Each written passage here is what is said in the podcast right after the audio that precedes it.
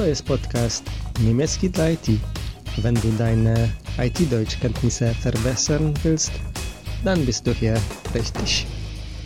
Hallo und herzlich willkommen. Ich bin Krzysiek und das ist Deutsch for IT, Folge 033. Cześć, witam serdecznie. Jestem Krzysiek, a to jest niemiecki dla IT, odcinek 033. Dzisiaj odcinek specjalny, będzie wywiad, mój drugi wywiad w życiu. Słychać to na pewno na początku, bo myślę, że podczas zadawania pierwszych pytań jestem bardziej zestresowany niż mój gość. A gościem jest Mateusz, mój kolega, z którym kiedyś pracowaliśmy i chciałem z nim porozmawiać i zresztą porozmawiałem z nim na temat jego startu w projektach niemieckojęzycznych w IT. Więcej szczegółów opowiem Wam sam. Także teraz jeszcze szybka zapowiedź po niemiecku i będzie wywiad. Wywiad będzie oczywiście po polsku, no bo trudno z kolegą, który jest z Polski, rozmawiać po niemiecku. Heute ist eine spezielle Folge, weil es wird ein Interview sein. Es ist der zweite Interview in meinem Leben, den ich durchgeführt habe. Ja, und das hört man besonders am Anfang, weil ich denke, dass man hört, wenn ich die Fragen stelle, dass ich nervös bin als mein Gast. Und der Gast ist Mateusz, mein Kollege, mit dem ich äh, früher arbeitete. Und ich wollte mit ihm sprechen über seine, seinen Anfang in deutschsprachigen Projekten.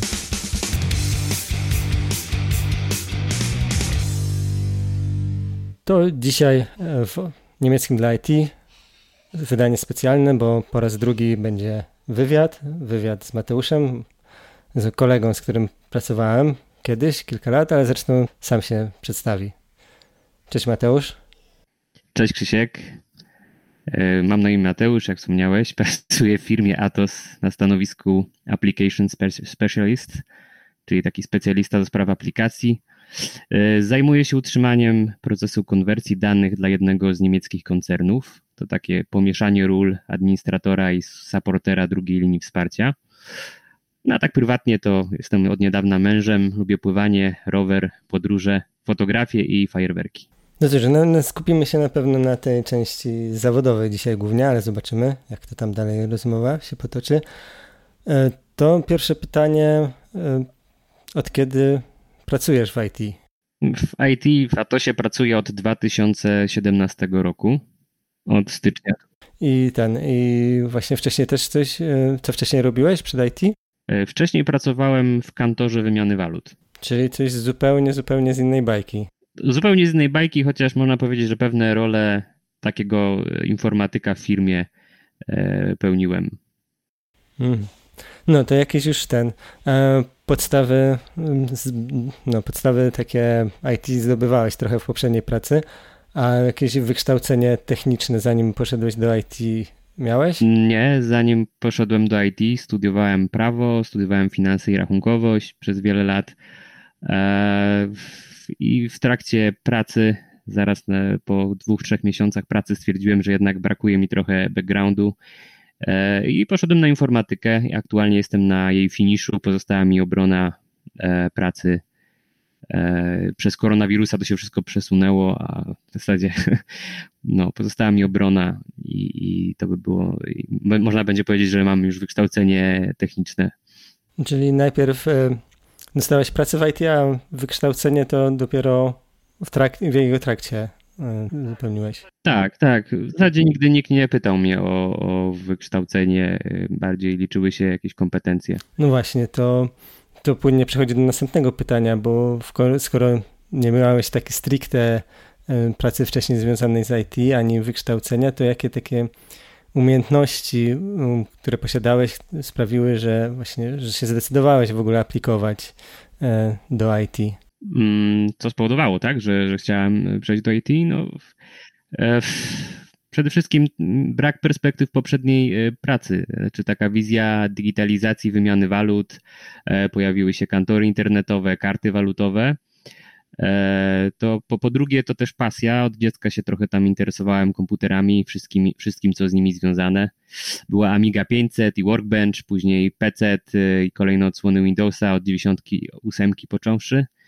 Była też jakaś równolegle nauka Linuxa od dystrybucji Mandriva. E, początkowo to źródłem tego zainteresowania były głównie gry komputerowe, strategie, ale z czasem to zeszło na dalszy plan. E, a przede wszystkim też pojawiła się taka możliwość, e, znajomy mnie polecił, poszedłem na rozmowę, bez większego w sumie przekonania, ale udało się, dostałem korzystną propozycję i nie omieszkałem z niej skorzystać. Hmm. No, jasna sprawa. A właśnie to na rozmowie, jeżeli, jakie pytania e, padały, powiedzmy, czy nie wiem, czy wiesz może czym tak przekonałeś, jakie umiejętności wpłynęły na to, że tak się E, pozytywnie ta rekrutacja zakończyła. Ciężko mi powiedzieć, trzeba by zapytać menadżera, ale myślę, że głównie tu język niemiecki e, odegrał taką główną rolę, bo, bo też e, właśnie sam fakt, że, że poszedłem na tą rozmowę, to, był, to było to, że firma poszukiwała ludzi z językiem niemieckim, a w zasadzie jeżeli chodzi o wiedzę techniczną, to twierdzili, że wszystkiego mogą człowieka nauczyć, a język to jest jednak coś, czego się w, w krótkim czasie nie da opanować. E, no i myślę, że też łatwość nawiązywania kontaktów z drugim człowiekiem, bo jednak e, dobry, nawiązałem szybko taki dobry kontakt e, z menadżerem moim obecnym. I, I, po tym spotkaniu powiedział, że niczego mi nie obiecuje, ale po tym spotkaniu byłby zainteresowany współpracą ze mną. Jak tylko coś się pojawi z językiem niemieckim, to będzie chciał mnie tutaj zaangażować do projektu. No to prawda, mi przypomina moje początki w Atosie gdzie zresztą właśnie razem pracowaliśmy, to też przykuło moją uwagę to, że firma bardzo dużo poszukuje pracowników z językiem niemieckim. Nawet pierwsze ogłoszenie o pracy Atosa to jest taki e, magazyn, tam nie pamiętam, czy to jest miesięcznik, o ile się nie mylę, Deutsch Aktuell, takie właśnie pismo po niemiecku, ale wydawane w Polsce w celu nauki niemieckiego i tam na okładce tylnej to była właśnie na całą stronę reklama Atosa właśnie, że jak chcesz e, pracować w IT, znasz język niemiecki, no to zapraszamy, że tam właśnie coś się dla ciebie znajdzie. Od kiedy znasz język niemiecki? U, to mm, nie pamiętam w zasadzie, ale tak od, od dziecka. No w sumie niemieckiego uczyłem się w szkole, ale wcześniej prawie każde wakacje w zasadzie spędzałem w Niemczech, w Wuppertalu, w Nadrenii. E, a w zasadzie to, to Bergisches Land. E, no i miałem taką motywację, żeby się tego niemieckiego uczyć, no bo też chciałem rozmawiać z niemieckojęzyczną rodziną, no i jakoś sobie radzić w tych Niemczech, e, w takich nawet codziennych sytuacjach.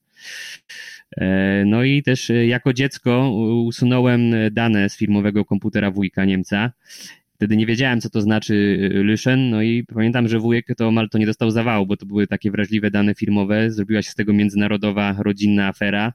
Myślałem, że będę musiał wracać do Polski. E, no ale tak z perspektywy to same fajne doświadczenie, bo dzisiaj tak pracy mogę powiedzieć, że y, legalnie już mogę usuwać takie dane w pracy, korzystając z tego przycisku Lyschen i jeszcze mi dodatek za to płacą, więc to taka miła odmiana, a widać już od dziecka miałem takie zadatki na administratora niemieckich systemów. No właśnie, to przy okazji e, języka niemieckiego, bo mówisz, że się uczyłeś jako dziecko i tam w szkole później. Jak przyszedłeś do pracy, czy jakoś ten język niemiecki używany w IT jakoś dużo się różnił? Czy było dużo rzeczy, które musiałeś, nie wiem, jakoś słów poznać, jakiegoś języka branżowego, czy to w miarę tak jakoś płynnie przeszło? Myślę powiedzieć, że w miarę płynnie, bo właśnie były te, miałem tą podstawę i przede wszystkim wydaje mi się, że dość dobrze, jeżeli miałbym wymienić swoje plusy, jeżeli chodzi o niemiecki, to dość dobrze rozumiem, co się do mnie mówi, więc w zasadzie y, nie miałem problemu z wychwytywaniem y, słów i, i rozumieniem y, tego, co, się, co tam koledzy z Niemiec mówią. Także, także nie, nie było jakichś większych problemów, no ale muszę przyznać, że jednak ten język techniczny, no to się mocno różni, więc praktycznie wydaje mi się, że to, to nie jest prawda, że jak się zna dobrze niemiecki, że na przykład germanista pojawi się w firmie, no to od razu będzie tam ogarniał, bo rzeczywiście e, no, ten język techniczny, zwłaszcza na informatyce, no to jest sporo nowych słów i tego się raczej w szkole e, człowiek nie, nie nauczy, no chyba, że rzeczywiście to jest taka klasa typowo dwujęzyczna, gdzie jest informatyka po niemiecku. Hmm, to prawda, to też przyznam, jak właśnie zaczynałem w projektach niemieckojęzycznych, to niektóre słowa zaskakiwało, ale nawet słowa może znane, ale w jakimś takim trochę innym kontekście i tak w sumie nie do końca byłem pewien, czy dobrze, no, czy dobrze interpretuję, czy faktycznie o to chodzi, bo taki kontekst y, trochę niespotykany. Jeszcze a propos właśnie niemieckiego, jak przyszedłeś do, e, do Atosa, to czy właśnie, nie wiem, czy jakoś na własną rękę się uczyłeś tego języka technicznego, czy po prostu tak e, w trakcie pracy, przy okazji rozmowy z kolegami z zespołu, z tej niemieckiej części e, się uczyłeś, czy po godzinach też jakoś tam próbowałeś liznąć takiego właśnie technicznego niemieckiego? To myślę, że, że raczej to było w trakcie pracy, że po prostu też taka potrzeba jest matką wynalazku i po prostu no, jakieś słowo było mi potrzebne, to tam bieżąco się jego uczyłem i nie miałem jakiegoś takiego problemu z zapamiętywaniem tych słów. Dość, nie muszę przyznać, że niemiecki mi zawsze łatwo wchodził i, i nowe słowa nie sprawiają problemu, natomiast angielski wchodził mi dość ciężko zapamiętywaniem nowych słów, ale jeżeli chodzi o niemiecki, to nigdy takich problemów nie miałem więc tutaj szło dobrze. I też miałem sporo szczęścia, bo akurat no, muszę powiedzieć, że e, obawiałem się bardzo tego przejścia do firmy, no a tutaj trafiłem, wydaje mi się, bardzo dobrze. E, miałem dużo szczęścia, że trafiłem na takich życzliwych profesjonalistów. Mam tu na myśli głównie ciebie, Krzysiek. No i szybko się wdrożyłem w projekt i tak zleciało już ponad 3 lata. To prawda, właśnie z kolegami z Niemiec. To jakie odbrałeś wrażenie, przynajmniej na początku, a teraz po czasie mm, pracy z nimi, czy jakoś tak, nie wiem, coś cię zaskoczyło, czy właśnie spodziewałeś, że będzie inaczej niż jest? Jakieś takie obawy co do stereotypów o pracy z Niemcami? E, hmm. Znaczy ja ogólnie tak jakoś nie lubię generalizować i tak wydaje mi się, że to wszystko zależy na jakiego się człowieka trafi, nie? Akurat początkowo trafiłem na zupełnie nietypowego Niemca, który akurat ma żonę Polkę, sam go znasz, e, wakacje spędza w Kołobrzegu, no i tam moim zdaniem to wykazuje sporo takich typowo polskich cech. No, wychodzi poza schematy, w sumie stosuje rozwiązania zupełnie prowizoryczne, no aczkolwiek e, skuteczne.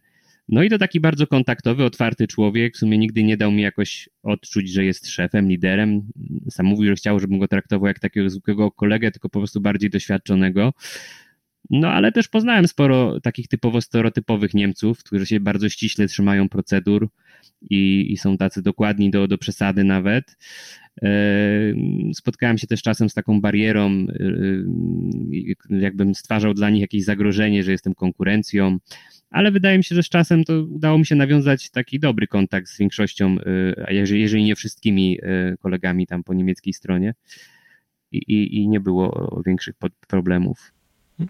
Prawda, też się zgadzam właśnie z takimi. Ja przyznam, że miałem trochę obawy, jak szedłem do właśnie pierwszego takiego niemieckiego języcznego projektu, właśnie e, podejścia, czy nie będą traktowali nas, e, tę polską część zespołu jakoś z góry, czy właśnie, że to, bo tak zwykle by była taka rola, że najpierw ten niemiecki zespół powstawał i był rozwijany o tą polską część i czy w związku z tym właśnie nie będą się czuli jakoś tacy przez to, że dłużej w tym projekcie siedzą jakoś ważniejsi, nie będą z góry do nas podchodzili, ale właśnie nigdy się w sumie w kilku różnych firmach, w kilku różnych projektach niemieckojęzycznych pracowałem i w sumie nigdy się z tym nie spotkałem, raczej właśnie były takie e, duch, pracy, duch pracy zespołowej, żeby właśnie jednak mm, wspólnie razem właśnie wykonać tą pracę i raczej sobie pomagać, niż jakoś właśnie pokazywać, kto tutaj jest ważniejszy, przynajmniej taki generalny, e, moje osobiste doświadczenie.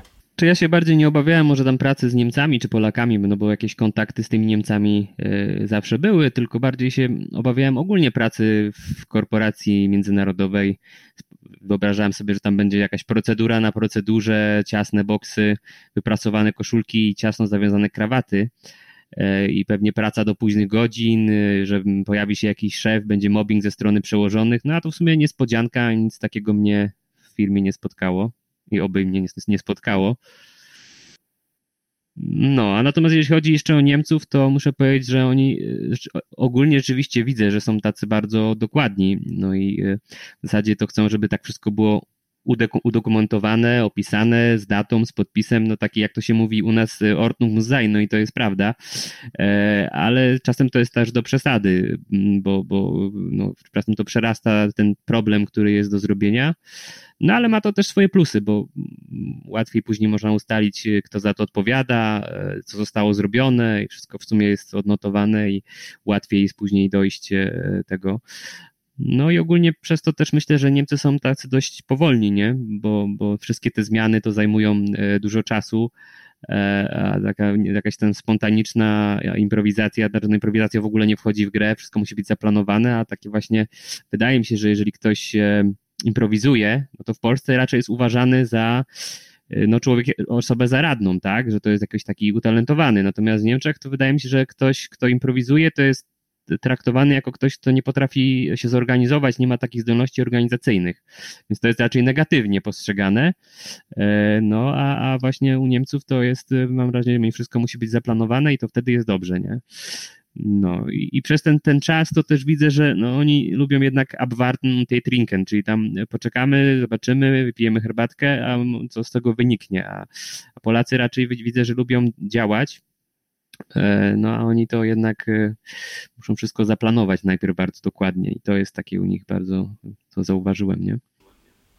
To a propos tego właśnie poczekać, e, wypić herbatkę, to mi się przypomniało właśnie e, też e, z tego projektu, w którym ty teraz jesteś, tam e, jak razem pracowaliśmy jeszcze, to był jakiś problem z serwerami, że nagle właśnie se, serwery e, padły, czy tam sieć padła, w każdym razie nie, nie odpowiadały serwery, to tam właśnie też zadzwoniłem do kolegi właśnie z niemieckiej części zespołu i właśnie powiedziałem, jak, że, jak sprawa wygląda i co w związku z tym robimy.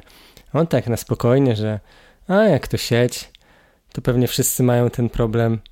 To pewnie już to ktoś zgłosił, a jak nie, no to zaraz zgłosi. To na spokojnie, to ten, poczekamy, zaraz powinno wrócić. No to jest bardzo typowe, bardzo typowe. A właśnie, bo mówiłeś o tym, że tak, jakie miałeś wyobrażenie ogólnie o korporacji, że tam właśnie ciasne boksy i tak dalej, a właśnie czy były coś, jakieś inne jeszcze elementy, które ci tak nie wiem, zaskoczyły? Spodziewałeś się, że będzie inaczej, a inaczej było w rzeczywistości? No tak się próbuję się zastanowić, no ale głównie właśnie chodzi o te, o te procedury e, i, i mobbing ze strony pracodawcy. Takie, takie, tak sobie to zawsze wyobrażałem, że w tych korporacjach to jednak e, przełożeni bardzo mocno naciskają na tych pracowników. E, e, tej pracy jest bardzo dużo. A tu była taka niespodzianka na początek, że w zasadzie dość długo czekałem, zanim, zanim wdrożyli mnie do jakiegokolwiek projektu. Nawet ja sam e, chodziłem się pytać, co jest grane, że to czy coś, czy, czy to na pewno tak ma wyglądać, bo, bo no na razie nie mam żadnego projektu, a tu mnie nie, spokojnie, jesteś nowy, musisz poczekać, aż, aż ten projekt się y, zacznie, ucz się lub szkolenia na spokojnie, to mamy czas. No i to mnie trochę tak y, dziwiło i w zasadzie bardzo późno zacząłem pracę. Jak w styczniu się pojawiłem w firmie, to wydaje mi się, że chyba jakoś kwiecień, maj dopiero zacząłem taką pracę w projekcie, e, a wcześniej to były szkolenia i, i, i y, spotkania, a taką pracę typowo to myślę, że tak w połowie roku dopiero zacząłem. Mm, to prawda, czasami tak się właśnie e, no, zdarza, że takie nie wiem, przesunięcia czasowe, mimo że się wydaje, że tak potrzebny pracownik na już, na zaraz, a później jak przychodzi co do czego, to okazuje się, że nie, jeszcze spokojnie, jeszcze właśnie zrób sobie szkolenie, jeszcze coś tam, jeszcze coś tam, nie wiem, dogrywamy albo albo coś w tym stylu. Tak, też u mnie to wyniknęło z tego, że w sumie zostałem zaplanowany na inny projekt i, i początkowo miałem pracować przy takim system, wsparciu systemu PLM, ale nie ma tego złego, co by na dobre nie wyszło. No dzięki temu trafiłem do, do projektu, gdzie się poznaliśmy i, i mi się wydaje, że to był, to był strzał w dziesiątkę jako taki początek kariery w IT, to, to, było, to, było, to był super moment, żeby właśnie akurat trafić do konwersji. Mhm. A ogólnie właśnie tą zmianę z perspektywy czasu, te pierwsze takie dni w nowej firmie, właśnie w takich jeszcze, może nawet nie tyle w nowej firmie, bo właśnie mówię, że trochę tam się mogłeś zaaklimatyzować, zanim dostałeś projekt, ale właśnie takie e, jakie wspomnienia masz z tych pierwszych dni takiej zmiany, że wcześniej pracowałeś właśnie w ogóle w czymś innym, w kantorze, a teraz nie dość, że korporacja międzynarodowa, duża, to jeszcze niemieckie projekty, jakieś takie właśnie jak to wspominasz tam ten czas, początek, mówię, że początki były e, trudne, bo, bo o ile e, jednak jest spora różnica między pracą w małej prywatnej firmie, a w, w dużej korporacji międzynarodowej, e, jeszcze gdzie pracuje się jeszcze dla klienta. No i początkowo to byłem właśnie zaskoczony tym, tą powolnością działania, że jednak y, no, w małej firmie to, to decyzje są jakby no, wydawane bezpośrednio, bo głównym decydentem jest jednak szef, który y, no, podejmuje decyzje od razu i w zasadzie no, trzeba działać, tak? Natomiast y, w takiej dużej firmie no to, to trwa, zanim tam ktoś z góry zaakceptuje, zanim to przyjdzie dalej, to może trwać nieraz tygodniami. I w sumie do tej pory się jeszcze na, w sumie na tym łapię, że czasem no, czekam na jakąś odpowiedź i piszę nie, niecierpliwie się czemu jeszcze nie ma i piszę dalej, dalej, a później się zastanawiam, po co ja to robię, bo przecież w zasadzie mogę być postrzegany jako ktoś taki niegrzeczny, który pogania kogoś w pracy. W zasadzie powinienem poczekać na, na to, aż to się y, wyjaśni. To prawda, to czasami właśnie jak się wydaje, że jakiś temat jest przedstawiany jako taki mega pilny, to właśnie, nie wiem, mam wrażenie, że my Polacy mamy takie przyzwyczajenie, że jak jesteś mega pilne, no to właśnie staramy się szybko wszystko zrobić, tam, żeby jak najszybciej to pchnąć dalej z naszej strony, co można, to robimy, a później, wiesz, właśnie trafia na jakiś taki element, że trzeba właśnie z kimś się skontaktować, że mm, przekazać e, właśnie część tematu, żeby ktoś e, uzyskać informację od kogoś innego na przykład. I wtedy się okazuje, że właśnie nie wiem, tydzień, dwa, nikt nie odpisuje się, wydawał taki mega pilny temat, a później jakoś to tak się rozchodzi i w sumie wydaje się, że to jednak wcale nie było takie pilne, jak się na początku nam wydawało, przynajmniej nam Polakom. Czy ogólnie myślę, że my jesteśmy bardziej elastyczni, jeżeli chodzi porównując dwa narody, to wydaje mi się, że Polacy są właśnie bardziej tacy elastyczni i kreatywni. Dla nas ważniejsze jest rozwiązanie problemu niż trzymanie się terminów, reguł.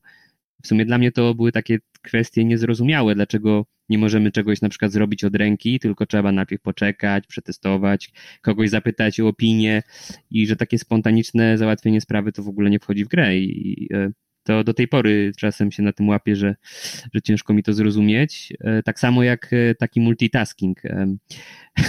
Niemiec bardzo niechętnie robi kilka rzeczy naraz. W sumie nie spotkałem się chyba jeszcze z takim w branży.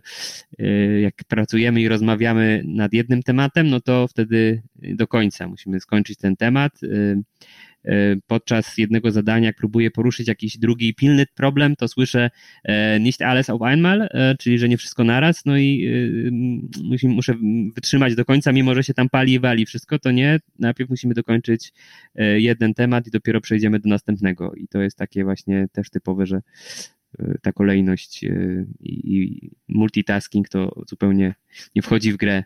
No i też Niemcy, muszę przyznać, że bardzo są, bardzo szanują czas, są bardzo punktualni.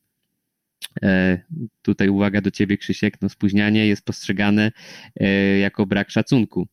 E, I takie powiedzenie jest nawet, że punktlich wie Maurer sein, czyli tam być, też powiedzę, być punktualnym jak, jak murarz, bo ponoć kiedyś murarze E, byli dawniej z tego znani, że punktualnie kończyli pracę i po prostu o ustalonej godzinie rzucali narzędziami i szli do domu.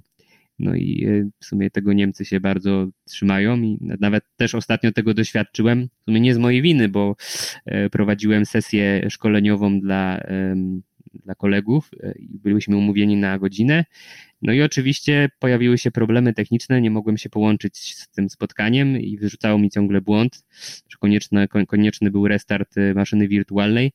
E, napisałem o tym, o tym fakcie na, na kanale, ale oczywiście zaraz tam y, koledzy zaczęli pisać, co się dzieje, dlaczego go jeszcze nie ma, a to minęły może 2-3 minuty i, i, już y, ten takie, poczułem tak jakbym to była moja wina, że się spóźniam, że, że tak ich nie szanuję i tak dalej, ale, ale wyjaśniłem, że to też problemy techniczne.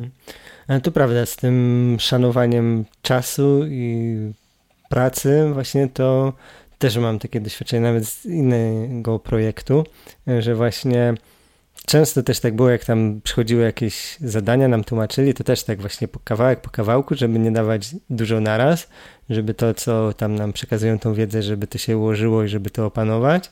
A nawet jak później już, no to wiadomo, już się stawało powoli rutynowe i dochodziły jakieś na przykład nowe zadania, mm, bo tam, nie wiem, przejmowaliśmy jakieś obowiązki od innego zespołu, to za każdym razem powtarzali, ale wiesz, jak będziesz miał za dużo na głowie, to to powiedz, to mów od razu, bo żeby tam nie było, że tam, że jesteś przepracowany, jak się ten przestanie, e, no przestaniesz się wyrabiać, jak masz się zacząć przestać wyrabiać, to lepiej powiedzieć wcześniej, żebyśmy my to już mogli tam jakoś inaczej tam rozwiązać sprawę, żeby jakoś to podzielić inaczej, tą pracę. Także to pod tym względem to też mi się bardzo podobało, bo raczej na przykład jak pracowałem wcześniej, e, no też po części w IT, ale takiej mniejszej polskiej firmie, to właśnie było wręcz przeciwnie, że się dorzucało jeszcze, żeby jedna osoba robiła coraz więcej i czy tam się wyrabia, czy nie, to tak w sumie nie było tak aż e, pilnowane. Chciałem zapytać Cię z perspektywy mm, czasu, tą zmianę, jak oceniasz? Z przejścia do IT? No, oceniam ją pozytywnie, no, oczywiście. No, w, w, jak, tak jak już powiedziałem wcześniej, no, nie widziałem perspektyw e, mojej poprzedniej pracy i myślę, że pójście w to, co teraz się rozwija i tą, tą branżę, która chyba najbardziej się w ostatnich 10 latach no, rozrosła i, i cały czas to, to się roz, rozkręca, to myślę, że, że to była świetna decyzja. Natomiast jeżeli samo chodzi o sam wybór projektu, no to tutaj już jest kwestia dyskusyjna, bo, bo pewnie, pewnie ktoś powie, że lepiej byłoby może pójść w stronę programowania niż administracji, czy utrzymania, e, czy testowania. Natomiast no jakoś nigdy mnie też nie ciągnęło do, do, do kodu i do programowania, chyba że na własny użytek do, do czegoś, co mi jest potrzebne. Natomiast no nie wyobrażam sobie jakiejś takiej pracy z klientem, który, który jednak narzeka, że to mu nie pasuje, nie tak to wygląda, jak on chce. Tutaj myślę, że chyba bardziej bym się sprawdził sprawdzi w roli kogoś, kto coś kreuje i, i to później sprzedaje sam i, i bierzesz albo nie. E, natomiast e, w roli kogoś, kto miałby tutaj ciągle poprawiać coś pod klienta, to, to wydaje mi się, że bym się chyba nie sprawdził w takiej roli. Ale to prawda, to co mówisz, to też tak mam odczucie, że nie wiem, to może moja kwestia mojego e, postrzegania, ale że właśnie taki ktoś, kto naprawdę pracuje w IT, to jest programistą, że ci inni to tam są dookoła, żeby ten programist, temu programiście pomagać, ale że e, ten programista to jest taki w sumie e, no, główny, najważniejszy kierunek. Oczywiście tak, rozwój aplikacji jak najbardziej, ale e, te wszystkie inne funkcje, na przykład związane z bazami danych, właśnie z administrowaniem sieci, czy właśnie utrzymaniem projektów, to moim zdaniem są co najmniej tak samo istotne. Zgadzam się i też muszę powiedzieć, że poznałem takich programistów, którzy zupełnie sobie w tych rolach nie radzili, e, e, gdzie wydawałoby się, że osoba, która ma jakiś tam background techniczny nie, i programuje, no to w takiej roli supportera to powinien nie mieć większych problemów, a to się okazywało, że, że zupełnie sobie nie radzili raz, że właśnie pod względem kontaktów y, z ludźmi e, zupełnie sobie nie radzili właśnie w takich typowo sprawach biznesowych, no zupełnie w, w tym, nawet w utrzymaniu mieli nieraz problemy z, na przykład z taką taką, bo w pewnym sensie taka ta praca jest trochę innego typu, bo programista może mm, usiąść i na przykład napisać spory fragment kodu, no a później może sobie zrobić przerwę. I jeżeli się wyrobi oczywiście tam z tym swoją pracą, no to, to nie ma problemu, jak, jak, jaki sposób będzie pracował. Natomiast no jednak w takim utrzymaniu to, to nie można sobie tam zrobić bardzo długiej przerwy, tutaj trzeba być czujnym cały czas i, i niektórych, y, nie, dla niektórych programistów to jest niewyobrażalne, żeby przez te 8 godzin być skupionym i czujnym, bo, bo jednak e, no, to, to jest zupełnie chyba inny tryb e, pracy. To prawda, to prawda, też jak wspominam e, właśnie to, jak wspólnie w tym projekcie pracowaliśmy, no to też mi się kojarzyło tak jak, trochę jak strażak, że tak siedzisz, siedzisz, patrzysz, jak się nic nie dzieje, no to tak w sumie no, jest spokój, cisza, a nagle jak coś się zacznie sypać, no to się sypie na dużą skalę, już wtedy nawet te wszystkie osoby w zespole, które są, jak się rzucą do właśnie naprawiania tego, żeby zażegnać kryzys, to i tak rąk nie wystarcza, jest w sumie robota na cały dzień, a czasami to właśnie można po prostu być czujnym, obserwować, a zająć się trochę powiedzmy czymś innym, jakimś e, tematem pobocznym powiedzmy. Czy tak z perspektywy to tak wychodzę z założenia, że dobry administrator w zasadzie tej pracy zbyt dużo nie powinien mieć, a jeżeli ma tej pracy bardzo dużo, to znaczy, że jest słabym administratorem. No niestety biznes tego tak nie widzi.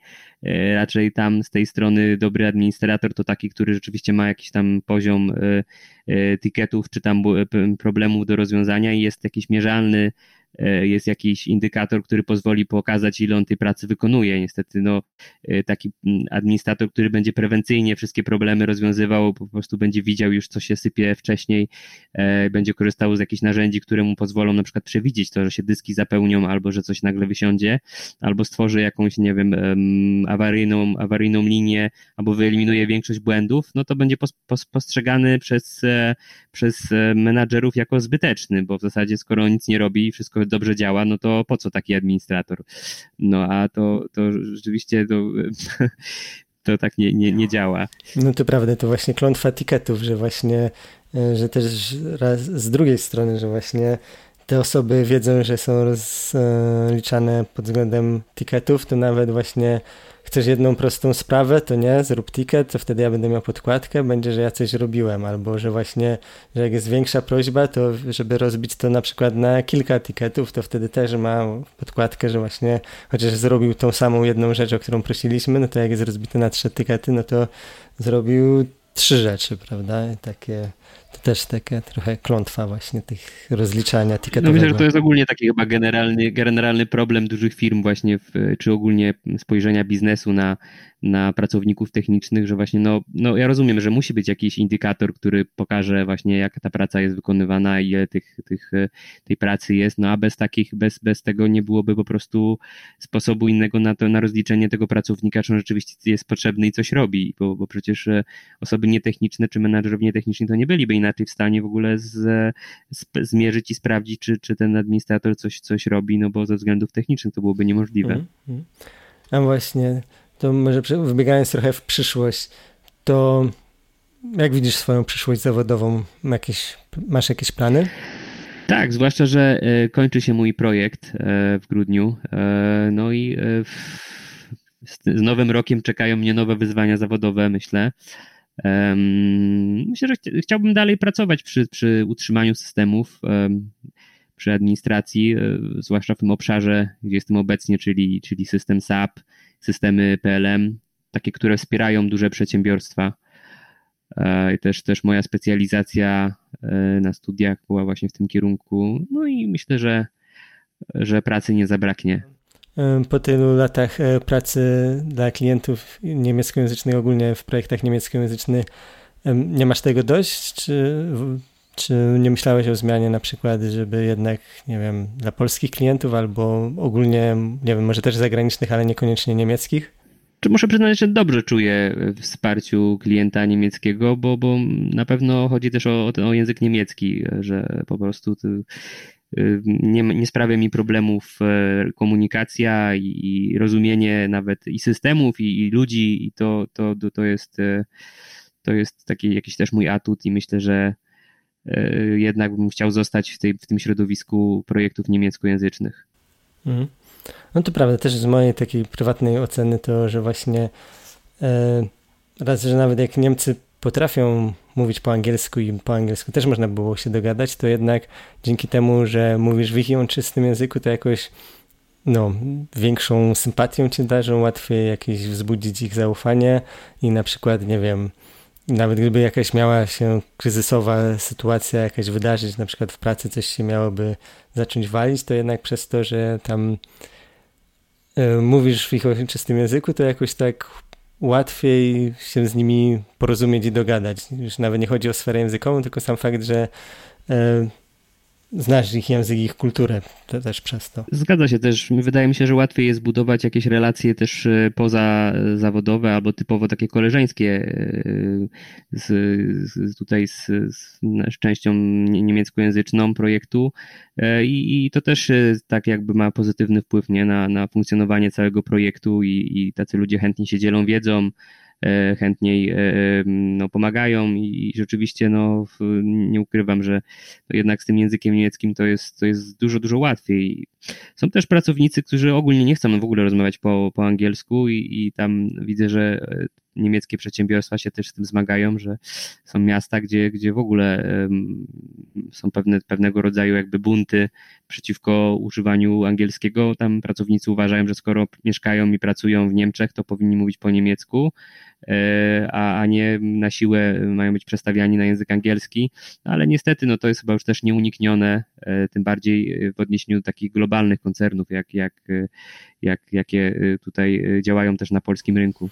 No, też właśnie, że to jest jakaś taka powiedzmy niemiecka korporacja długoletnia z niemieckim rodowodem, to w sumie się nie dziwię, że tam osoby, szczególnie starsze, pracujące, mogą się czuć niekomfortowo z tym, że właśnie niemiecka firma, mieszkam w Niemczech, jestem Niemcem, a muszę w pracy nagle z kimś po angielsku rozmawiać. Dokładnie i tak samo jeszcze w kwestii jakichś problemów technicznych, gdzie, gdzie jest, dla nich to są bardzo pilne problemy nieraz e, życia i śmierci, e, krytyczne, e, gdzie nawet dotyczą jakiegoś drobnego, drobnej sprawy, to dla nich to jest e, krytyczne i nazywają te błędy czy te etykiety jako, jako e, showstoppery, czy jako extremely critical, że po prostu no, to musi być załatwione już od ręki, bo po prostu no, jeden dokument gdzieś czeka, jedna, jakaś, jakaś jedna sprawa jest najważniejsza i tylko ich, a tutaj muszą jeszcze, mm, jeszcze pisać po angielsku i napotykają na kolejną barierę i są, niezrozumie, mm, są nie, zrozumiani na przykład,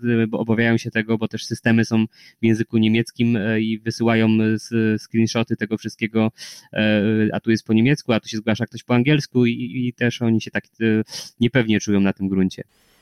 To prawda, można tak właśnie podsumować, że żeby pracować w IT, no to język angielski jest e, konieczny, a w polskich warunkach to niemiecki dodatkowo to jest właśnie takim wyróżnikiem, który w sumie um, no, daje ci większe pole manewru, bo są właśnie takie firmy jak Atos na przykład, które właśnie specjalizują się w obsłudze właśnie niemieckojęzycznych klientów. To wszystko, co, o co chciałem Cię wypytać, właśnie głównie mnie interesowały Twoje mm, początki w branży IT i właśnie Twoja ścieżka, właśnie jak to się e, wszystko zaczęło, bo co prawda pracowaliśmy ze sobą, ale jakoś tak też na te e, w szczegółach o tych tematach jakoś właśnie nie rozmawialiśmy. Jakoś to tak było też dla mnie wtedy naturalne, że dużo osób mm, przechodzi do IT, szczególnie właśnie w realiach Atosa głównym kryterium było właśnie znajomość języka niemieckiego. Także dzięki za rozmowę. Dzięki również.